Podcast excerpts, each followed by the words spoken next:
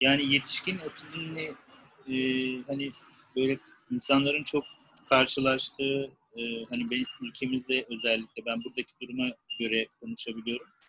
E, hep böyle çocuklar üzerinden ve çeşitli e, işte otizmli dediğin zaman gözle görülür hani stereotipik hareketleri, göz teması kurmaması, ilgi ve oyunlarda sınırlılık neyse işte. Bu tip hep böyle e, otizm hep böyle insanlara bu şekilde anlatıldığı için aslında e, sen tabii biraz da e, hani Asperger sendromu içerisinde yer alabilecek e, bir davranış modelleri, işte durumlarından bahsediyorsun. E, peki hani biraz da otizmle ilgili okudu, okumalar yaptın dedin. O, otizmle ee, ilgili ayrıca bir de kurs yaptım. Otizmi hı. anlamak Biraz diye. On, onlardan bahseder misiniz? Ee, hani şimdi, otizmi nasıl görülüyor? Çünkü yetişkin otizmiyle çocukluk otizmi ya da çocuklukta gördüğün hani e, otistik Şimdi çocuklara... aslında ben iki tarafı da birazcık biliyorum. Hı-hı. Çünkü ben dediğim gibi bir de oğlum var. Hı-hı. Evet o da Asperger ama ben mesela biz şöyle bir çocukluk yaşadık. Ben oğlum doğmadan önce üç çocuk istiyordum. Ee, şu anda hamile kadın görünce fenalaşıyorum. Ee, öyle anlatayım. Ee, benim oğlum ilk iki sene hiç uyumadı. Hiç. Doktor doktor gezdik. En sonunda doktorlar bana sakinleştirici verdiler. Fakat ben de e, ben de durumdan çok etkileniyorum. Bir de ben yalnızdım. En sonunda mesela ben hastanelik oldum. Korkunç bir meniyer, hatta hayatımdaki ilk meniyerle öyle bir dönemde tanıştım. Çünkü ben uyumuyorum. Sürekli ağlayan ve hiç susmayan e, bir bebek var. Benim oğlumun bebekliği mesela çok zor geçti. Bir, çok uykusuzdu. İki, durup dururken ağlıyordu. Sadece ve sadece bende duruyordu ve şuramda böyle. 7-24. Ee, o da erken konuştu. Ee, fakat o da çok bilmiş bilmiş cümleler kuruyordu.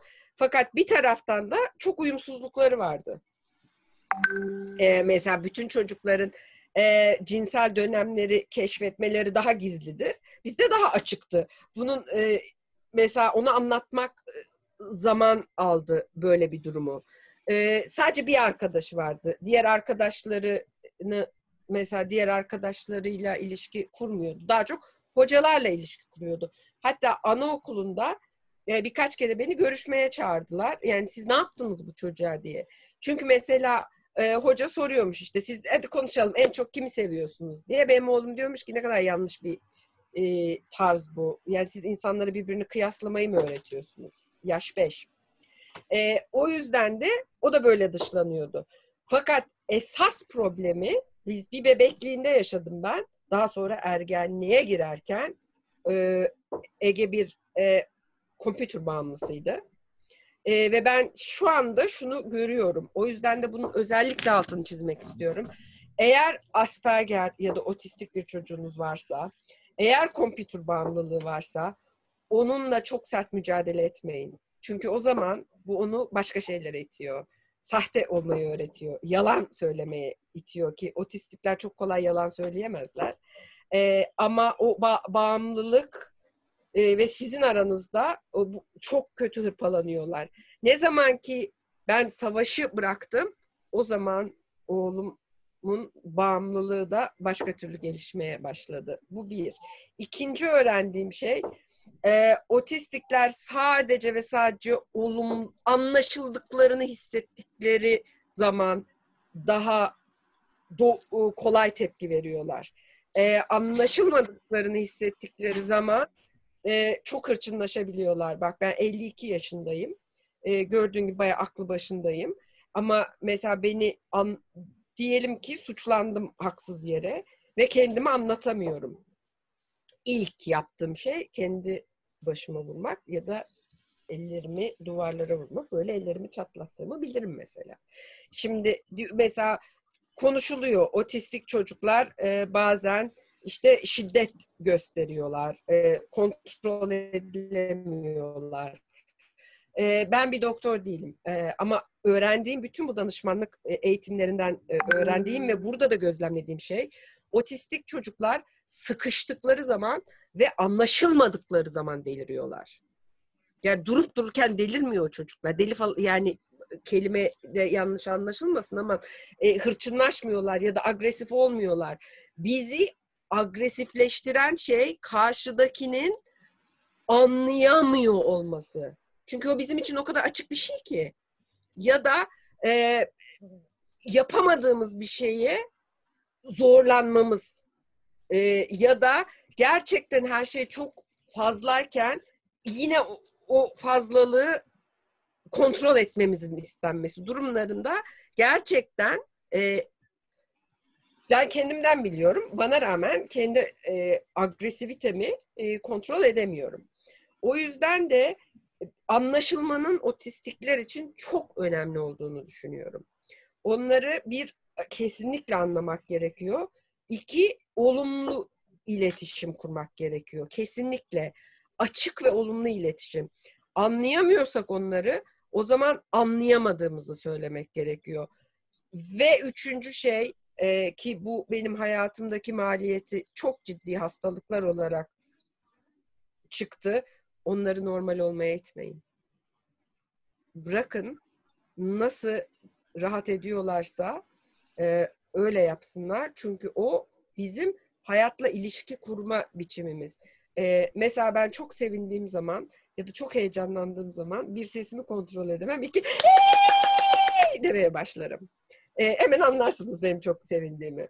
E, mesela işte Meltem koca kadınsın bunu yapma dedikleri zaman evet ben bunu kontrol edebiliyorum ama o zaman ben sevincimi de yaşayamıyorum. Her bize bizim içimizden gelen bir şeyi zorladığında insanlar bilin ki bizim bir parçamızı bizden alıyorsunuz. Ve bizden aldığınız o parça yerine biz bir şeyleri taklit etmeyi öğreniyoruz. Ve o hiçbir zaman bize ait olmuyor. O zaman biz kimliksiz, e, kendine güvensiz e, ve hayatla hiç barışmayan bireyler oluyoruz. Ama bu çok büyük haksızlık değil mi?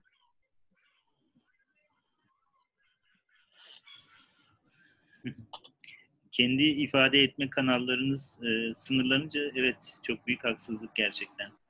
E, şimdi peki e, şuna devam edelim. E, mesela kendi yaşıtlarınız olan otizmli insanlar var mı çevrenizde? Ee, benim yaşımda olup otizmli olan. Evet. Var. Onlarla nasıl e, Ee, neler yapıyorsunuz ya da bir şey yapıyor musunuz? şu anda bir kere ben iki tane e, otizm gönüllü e, grubunda e, aktif olarak yer alıyorum. Hı hı. Bunlardan bir tanesi benim yaşımda olan yani menopoz dönemi 40 40 üstü e, geç teşhis konmuş otistik e, kadınlar. E, ikinci grup ise genel bir otistik grup. Hem anneler var hem otistik çocuklar var, gençler var. E, düzenli olarak ayda bir e, toplanıyoruz. Şu anda pandemi sebebiyle Zoom üstünden e, konuşuyoruz. E, bunun şöyle bir faydası var. Bir, ya mesela birisi bir sorununu söylüyor. Herkes onunla ilgili bir, ne yaşadığıyla ilgili bir şeyler paylaşarak çok ilginç tecrübeler öğrenebiliyorsun. E, ya da özellikle çocukları olanlar mesela birbirleriyle paylaştıklarında e, buldukları çözümleri çünkü bazen insanlar çok tuhaf çözümler üretiyorlar e, hiçbir şey bulamayınca. E, bu mesela diğerlerine çok yardımcı oluyor. Bu ben de çok şey öğren, öğreniyorum e, onlardan. Ama mesela benim de bilgilerim bazen onlara çok yardımcı olabiliyor. E, ve şunu görüyorsun, ne kadar çok benziyoruz. Ya ben hayatımda ilk defa bana benzer insanlarla birlikte olmanın keyfini yaşıyorum. Mesela WhatsApp grupları beni çok e, geriyor. Çünkü bana bir mesaj gelirse ben onu okumak zorundayım. Ona hemen cevap vermek zorundayım. E, öyle bekleyemem. O, bende anksiyete yarışıyor. Düşün ki bir sürü grup var. O zaman başka bir şey yapamaz hale geliyorum. Hiç bir gruplara girmiyordum. Fakat e, Deniz sizin yayınınıza da katılmıştı sevgili Deniz ve Melis. E, bir WhatsApp grubu kurmuş kurdu Türkiye'de. Ben kendim gönüllü oldum katılmak için. E, çünkü istiyorum ki özellikle de benim yaşamımdaki çok ağır manipüle edildiğim zamanın bedeli çok ağır. Başka gençler, başka genç kadınlar manipüle edilmesinler. Bunun farkındalığına onlar maliyetini ve farkındalığıyla ilgili onlara e, destek vermeyi çok istiyorum. Çünkü İngiltere'de bunu yapabiliyorum. Dediğim gibi bu gruplar aracılığıyla. E, ayrıca Amerika'dan bir otizm e, grubuyla düzenli toplantılar yapıyoruz. E, ve şöyle bir şey var. O kadar çok kadınlar birbirine benziyor ki, o kadar çok hikayeler birbirine benziyor ki, bambaşka kültürlerde e, ama yaşadığımız çıkmazlar, e, yaşadığımız acılar e, ve yaşadığımız anlaşılamama ve yargılanma hep aynı. Bu gerçekten inanılır gibi değil. Yani hemen hemen hepimiz aynı e, şeylerden geçmişiz. O yüzden de ben e, tecrübelerimi genç insanlara anlatmayı e, çok istiyorum ki e, onlar bizim yaşadıklarımızı daha hafif yaşasınlar ya da bizim ödediğimiz bedelleri ödemesinler. Ve yine başka bir şey, bunu özellikle vurgulamak istiyorum. Ee, hani sana söyledim altıncı isim kuvvetli falan filan diye. Ee, mesela benim hayatımda yunuslarla yüzmek diye bir saplantım var. Ee, havuzlarda değil, vahşi yunuslarla böyle her yerde yunus gördüm mü atlıyorum ya da gidiyorum özellikle okyanuslara falan. Vahşi yunuslarla yüzüyorum. Ve benle gelenler şahit oldular ki Yunuslar böyle çocuklarını veriyorlar. Ben vahşi Yunuslara dokunabiliyorum. Beni bir havuz kenarına götür. Yunus hastaysa ben ağlamaya başlıyorum. Böyle tuhaflıklarım var.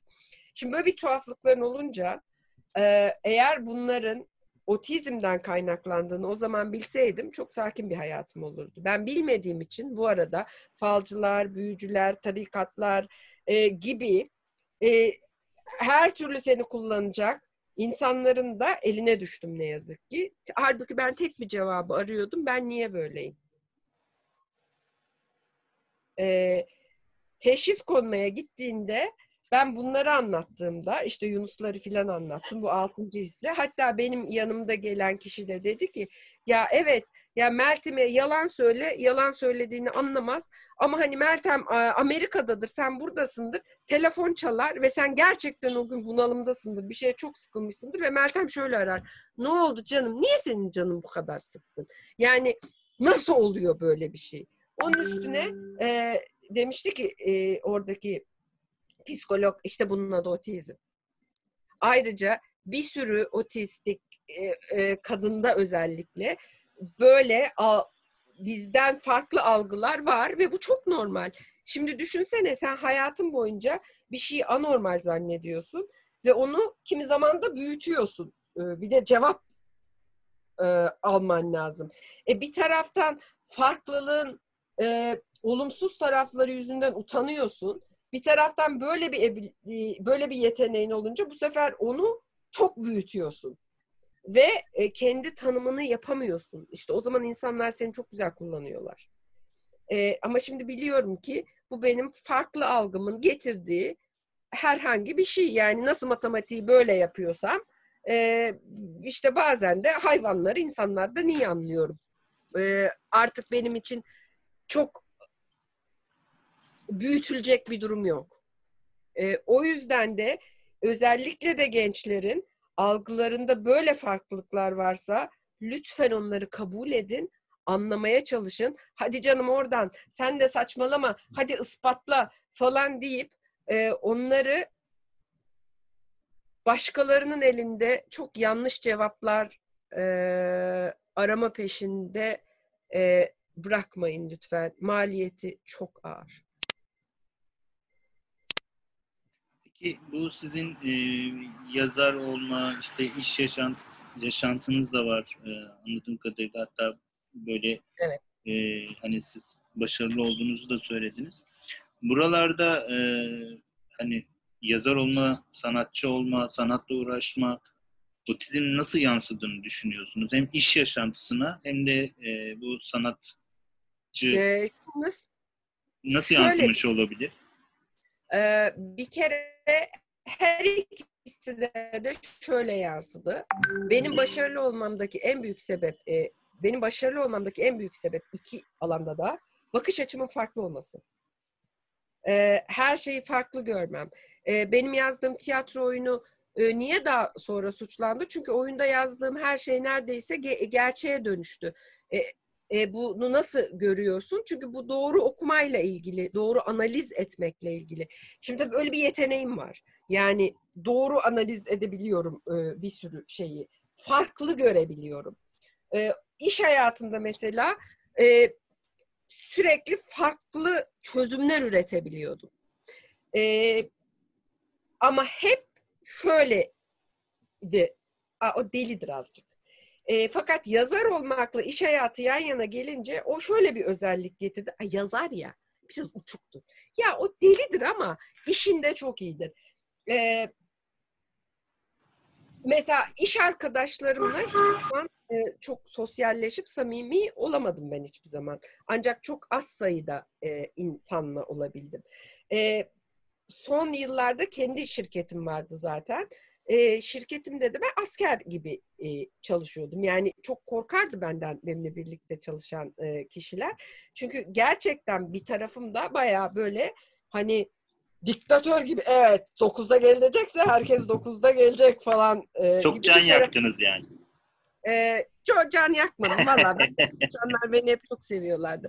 Çünkü çok açıksın bir taraftan da. E, ya iş hayatında oyun bilmediğim için e, satır altı okumadığım için saçma bir dürüstlüğüm vardı tamam mı? O saçma dürüstlük de beni e, hep e, aslında başarıya götürdü. Evet çok acı çektim o yüzden ama başarımın en büyük sebeplerinden bir tanesi hiçbir zaman yalan söyleyememem.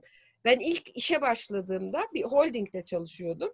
Ee, ve yönetim kurulu başkanı e, geldi bir gün benim çalıştığım ofise. İşte böyle herkes ayağa kalktı. Ben de hiç ayağa falan kalkmadım. Böyle dedi ki sen benim kim olduğumu biliyor musun dedi. Ben de biliyorum Halil Uğur dedim. Ama dedi sen hiç istifini bozmadın dedi. Çünkü ben onlar gibi iki yüzlü değilim. Ben sevmiyorum ki ayağa kalkayım. Onlar hem arkanızdan konuşuyor hem ayağa kalkıyor. ee, şimdi e, ve ne yazık ki bu huyum benim hep devam etti. Yani ben müşterilerime sevmediğim müşterimi sevmediğimi söylerim. Toplantı, e, mesela kurallarım vardır. Toplantı 15 dakika. Çünkü 16. dakikadan sonra ben dikkatimi toplayamam. E, ve inanıyorum ki kimse toplayamıyor. Herkes yalandan iş yapıyor. Ya mesela insanlar ofislerinde 6 saat çok çalışıyorlar. Yalan çalışmıyor. Hiç kimse 6 saat çalışmıyor. Yani bunu bilelim, dürüst olalım. Şimdi ben hep böyle yaklaştım. Benim yanımda çalışanlara da ben hep böyle yaklaştım. Yani e, belki bu yaklaşım yüzünden başarılı olabildim iş hayatında. İkincisi tabii müthiş bir inadım var. E, bir de e, farklı olduğum için de hep e, Meltem'den adam olmaz e, durumları olduğu için korkunç bir inadım vardı benim. Göreceksiniz. Göreceksiniz. E, bu iyi mi, e, kötü mü tartışılır. Maliyeti de tartışılır.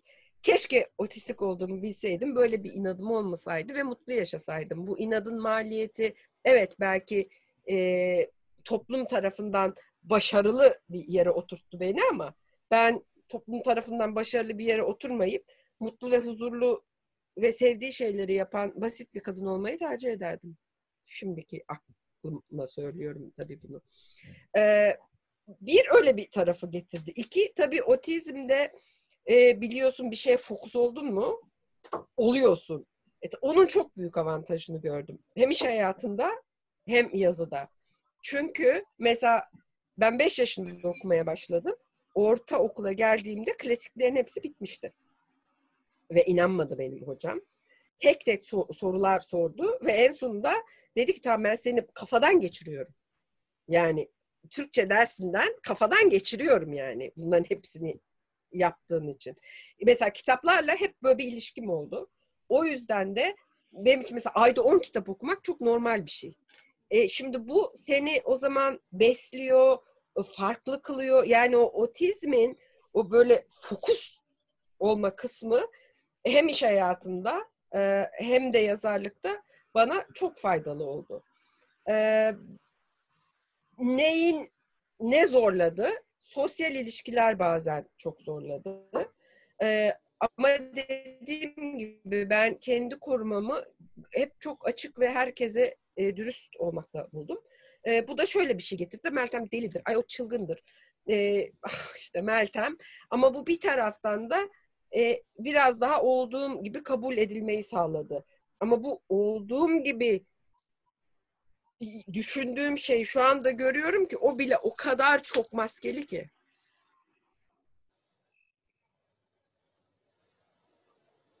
E, o yüzden de e, e, e, en çok nerelerde başarılı olduğumu da şu anda görüyorum.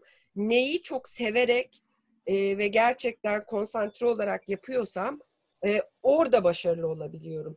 Başka bir şeye zorlandığı zaman katiyetle yapamıyorum. Olmuyor. Bunun çok basit bir örneğini anlatacağım. Ben 40 yaşında piyano çalmak isteye karar verdim. E, ve şöyle başladım. Ben piyano çalacağım, e, Bach çalacağım. Başka bir şey çalmak istemiyorum. Bana dediler ki tabii canım olur haklısın 40 yaşında sen hemen Bach öğrenirsin. Neyse e, sevgili piyano hocam e, Evren e, ona benim arkadaşım da ona dedim ki ben böyle bir piyano çalmak istiyorum. Evrim Demirel. Evrim dedi ki Meltemciğim önce kulağın var mı bakalım elin işliyor mu bakalım öyle hani ben piyano çalmak istiyorum bah çalmak istiyorum ne olmaz. Neyse biz başladık. Kulağım varmış elimde çok uygundu.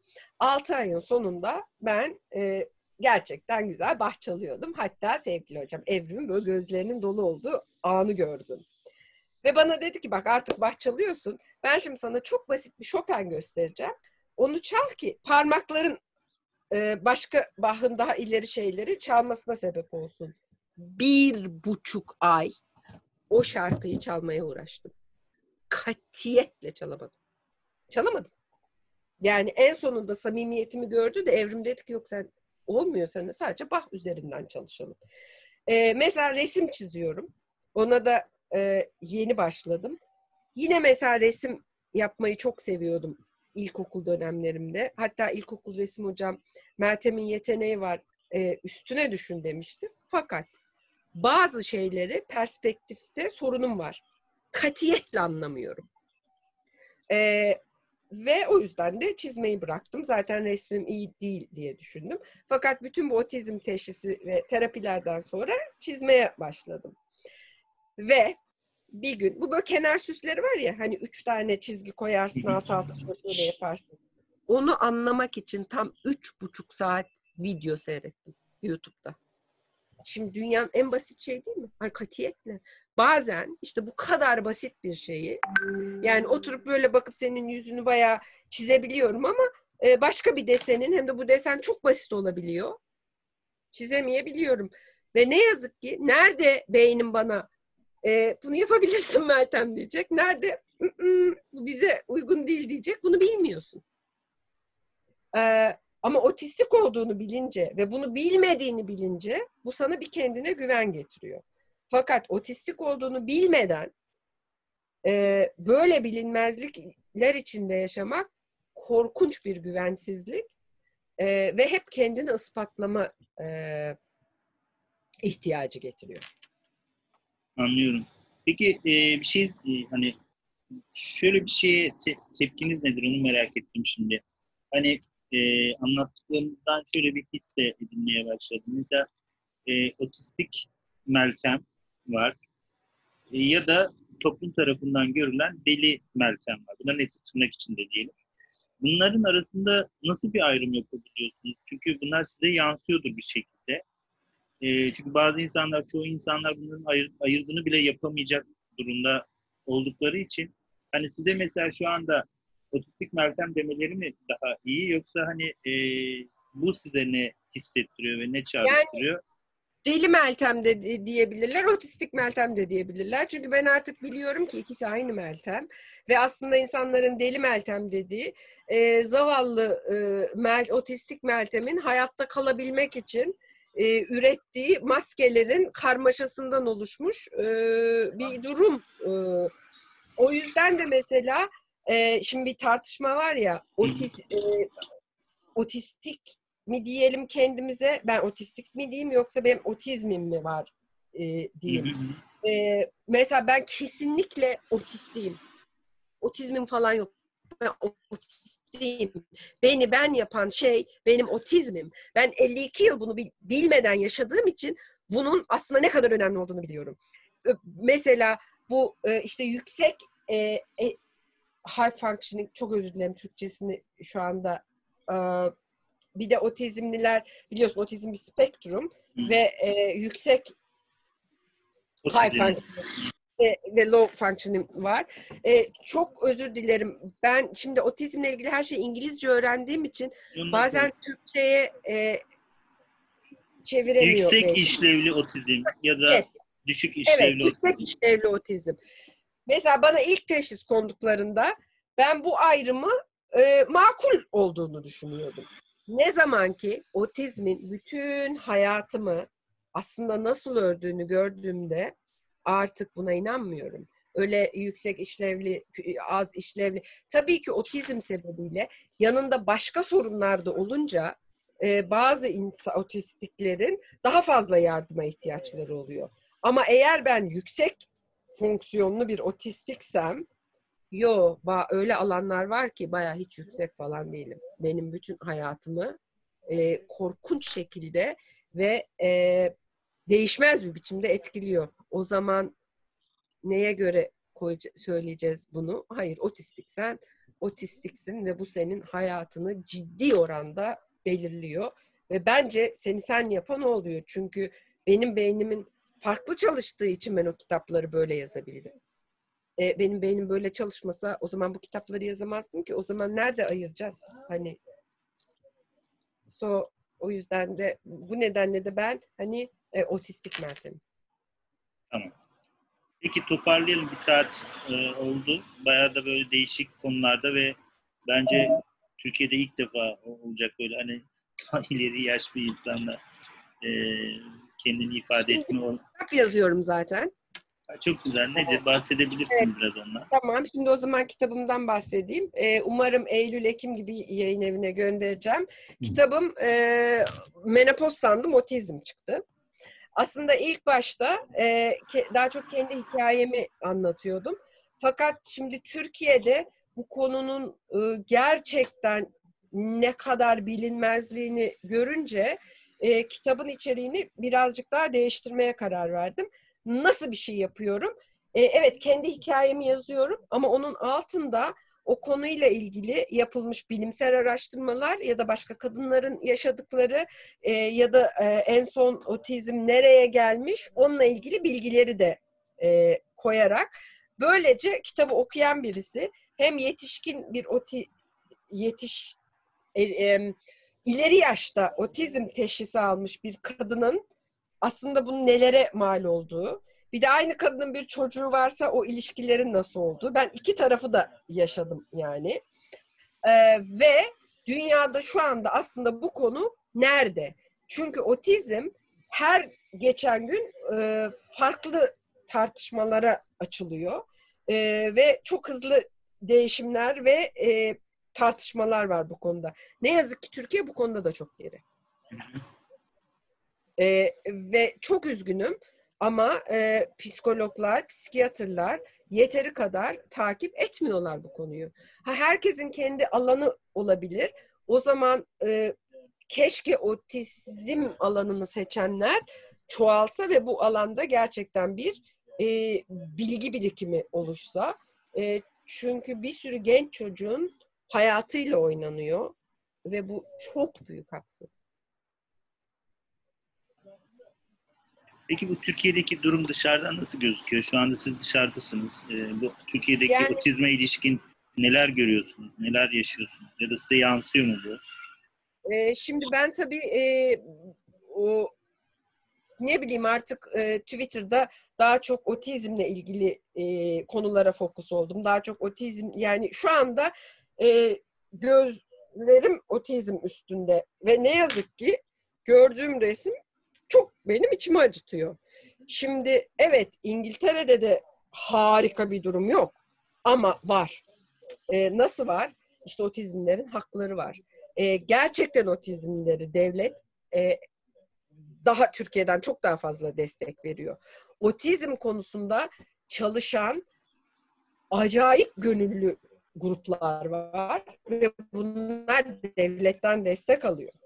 E, bu destek sayesinde herkes e, her yerde gruplar birbirleriyle ortak proje üretiyorlar.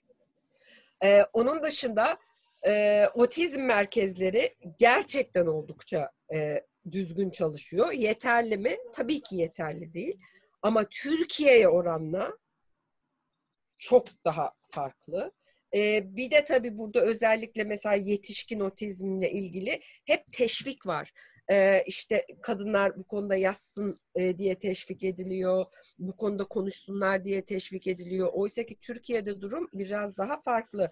Ve okullarda mesela artık otizm Türkiye'deki gibi sizin çocuğunuz otistik kaydetmeyiz. O böyle olur filan onlar olmadığı gibi artık şu aşamada mesela İngiltere'de şu tartışılıyor.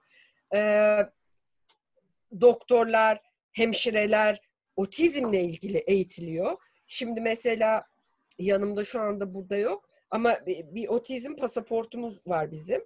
O otizm pasaportunda mesela diyor ki benle yüksek sesle konuşma. Benim şuna alerjim var. Ben hastaneye geldiğimde bana şöyle davran diye. Sen onu gösterdiğin zaman e, doktor ve hemşireler sana öyle davranıyor.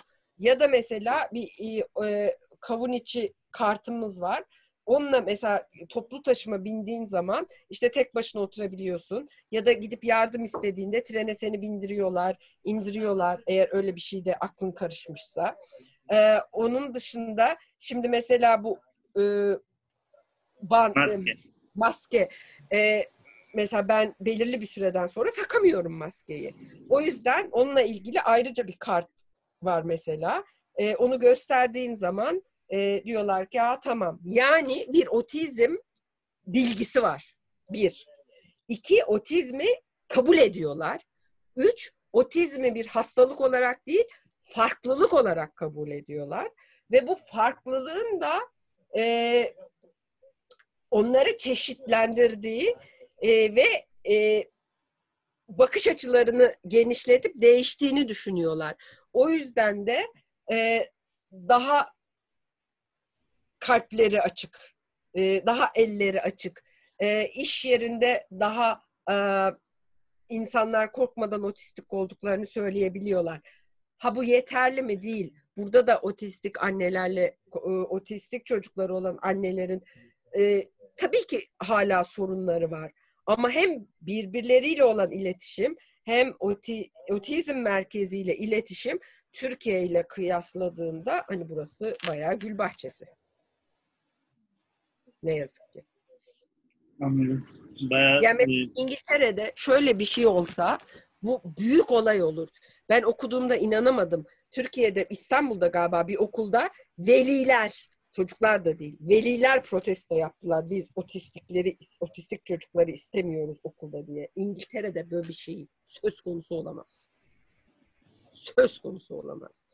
Ve yani gerçekten inanamadım. Yani nasıl bu kadar cahilsiniz? Nasıl bu kadar acımasızsınız? Nasıl bu kadar kötüsünüz?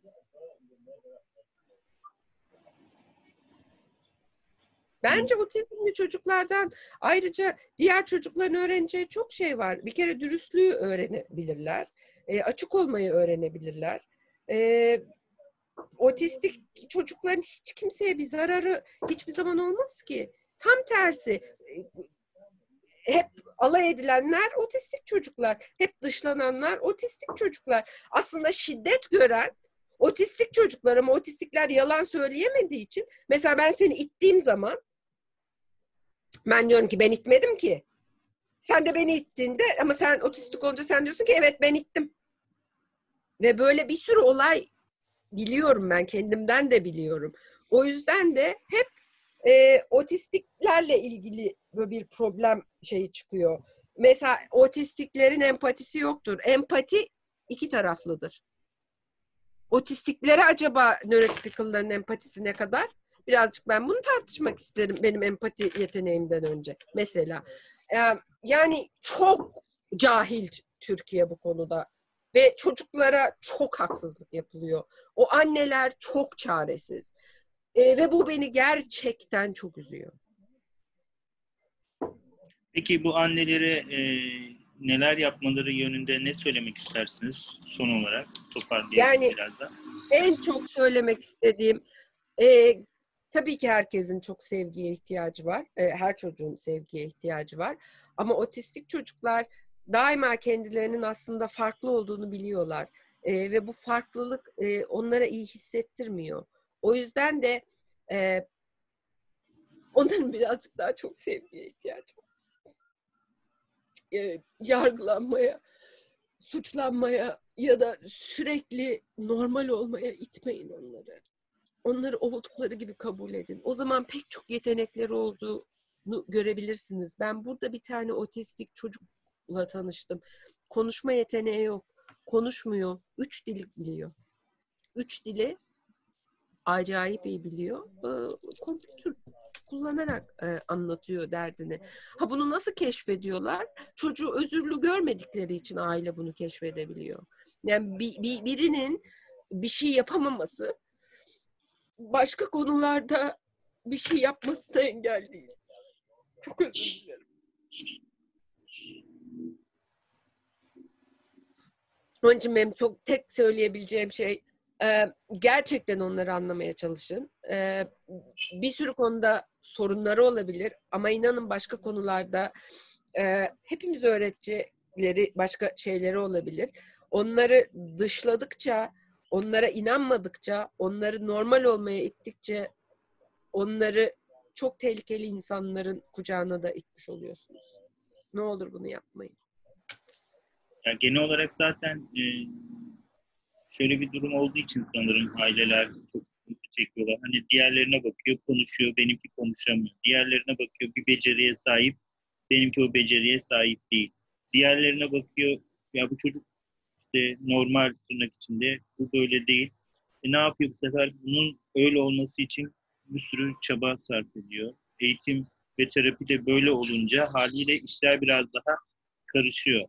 Evet, o yüzden de benim önerim lütfen e, kendi çocuğunuzla ilgili başka çocukların ne yapıp yapmadığıyla kendi çocuğunuzu kıyaslamayın. Ona harcayacağınız vakti kendi çocuğunuzu keşfetmeye harcayın. Kendi çocuğunuzla e, açık e, bir iletişim kurmaya e, harcayın. Onun kendini keşfetmesini e, ve sizin onu keşfetmenize zaman harcayın. Ee, ve ne olur ön yargılara kulaklarınızı tıkayın. Yani evet çocuk böyle yapmak istiyorsa bırakın yapsın. Yani normal denilen insanlar yönetiyor bu dünyayı. Dünyanın hali ortada. Bir sürü kariyer sahibi, e, toplumca başarılı, harika kabul edilen, cumhurbaşkanı olmuş insanların durumları ortada. Bunların hiçbir önemli değil. Biliyor musunuz ne önemli? Bırakın kendileri olsunlar. Ancak kendileri olurlarsa ayakları üstüne basabilirler. Ancak kendileri olabilirlerse yarın öbür gün anneleri babaları yanında olmayınca bu hayatı ta, ayakta kalabilirler. Ama siz onları hep bir şey olmaya iterseniz asla kendileri olamazlar ve asla ayakları üstünde duramazlar. Son e, bir mottonuz var mı hayata dair tekrar ettiğiniz, size iyi gelen, e, sizin canlılığınızı, dayanıklılığınızı e, arttırdığını düşündüğünüz? Evet, e, aslında bu son e, birkaç aydır özellikle e, her sabah söylediğim, e, her sabah değil sürekli kendime tekrarladığım bir şey. O da şu, sen ne yaparsan yap, sen ne dersen de insanlar seni canları nasıl isteyecek, istiyorlar söyle görecekler. Bugün çok kıymetli gören biri yarın seni düşman görebilir. Bugün seni çok seven biri yarın senden nefret edebilir. Onun için dışarıya olan e, bütün pencerelerini kapat ve o pencereleri kendi içine döndür. E, çünkü bütün cevaplar senin içinde ve sen ancak kendine güvendikçe ilerleyebilirsin. Peki, çok teşekkür ederim. Çok güzel bir söyleşi oldu. Böyle çok genel, oradan oraya da gitmiş olabiliriz ama dinleyiciler en azından bunun bir hani sizi tanımak, sizi anlayabilmek, sizinle ilişki kurabilmek, sizin dünyanızı fark etmek için en azından bir fırsat, bir pencere olarak görürler diye düşünüyorum. Çünkü umarım, çok değişik umarım. konuların çok daha ayrıntılı konuşulması gereken e, durumları olduğunu sizden e, öyle bir izlenim alıyorum. Dolayısıyla hani sizin özellikle e, bu nörotipi ve e, otizm ayrımı üzerinde belki çok daha farklı konular konuşulabilir. İşte nöroçeşitlilikten, e, bu Hı hı. farklılıktan bence bahsedilebilir. E, gelişmiş ülkelerle az gelişmiş ülkelerin birbirlerini yakalayabilmesi için ne gibi fırsatlar yaratılabilir? Bunlar konuşulabilir. Sizin dışarıdan bakan bir insan olarak e, dışarıdan dediğim yurt dışındasınız sonuçta. Orada daha farklı koşullar içinde yaşıyorsunuz. Tabii. Burada bu koşullara sahip olmayan insanlar bu koşulları nasıl yaratabilir? Yani Evet. çeşit çeşit konular konuşulabilir açıkçası. Bak Çok şimdi artık tanıştık. değişik. Buradayım. Ee, işte Twitter'dan ulaşabilirsin. İstiyorsan sana telefonumu da verebilirim. İstediğin her konuda bu konuyla ilgili yapabileceğim ne varsa beni cepte bil. Teşekkür ederim ben de. Ee, ben de tekrar e, bu davete kabul ettiniz, görüşmek, görüştük sizinle, tanışmış olduk, tanımış olduk. Ee, sizi de zaman içerisinde daha da iyi anlayacağımızı düşünüyorum ben. Bir nöro, ne, tırnak içinde nörotipik tanımı olan bir insan olarak. tamam, tekrar e, tanıştığımızda çok memnun oldum gerçekten. Ben de öyle. Çok, Çok teşekkür ettim beni konuk aldığınız için. Farklı bir deneyim oldu benim için de. Hep çocuklarla çalışmış bir insan olarak. Farklı bir şey oldu evet. Teşekkürler Tamam, tekrar. Görüşürüz. Ben de sağ ol. Görüşürüz. Hoşça kal.